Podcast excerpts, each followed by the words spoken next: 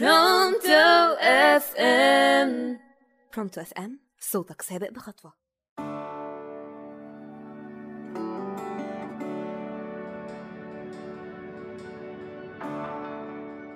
إزيكم؟ عاملين إيه مستمعين؟ يا رب تكونوا بخير وسعادة. معاكم ديانا محمد عجوة في برنامجكم خمسة معايا على Pronto FM النهاردة هنتكلم عن التسامح. والتسامح ده لغة الصفح والعفو. زي ما بيقال كده من لا يغفر لا يغفر له.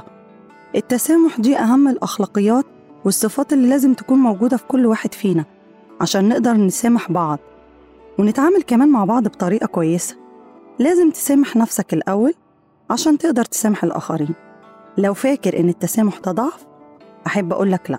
عدم التسامح بيخليك شايل على كتافك طاقة سلبية وبيكون في قلبك نوع من الغيظ والغضب والحقد والغل.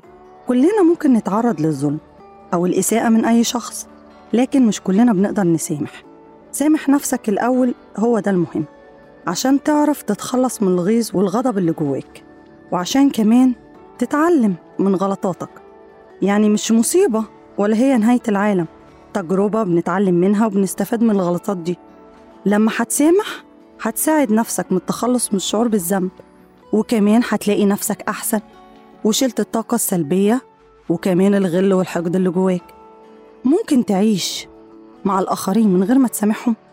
لا أكيد لازم تسامح عشان المشاكل كمان تقل وسوء الظن يقل ونلاقي أعذار لغيرنا.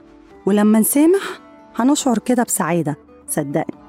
ولما تسامح هتحس إن الآخرين بيحبوك عشان قلبك لين يعني. التسامح ده يعني فرصة تانية وبداية جديدة. تقدر تدي فرصة تانية؟ كانت معاكم ديانا محمد عجوة في برنامجكم خمسة معايا على برونتو اف ام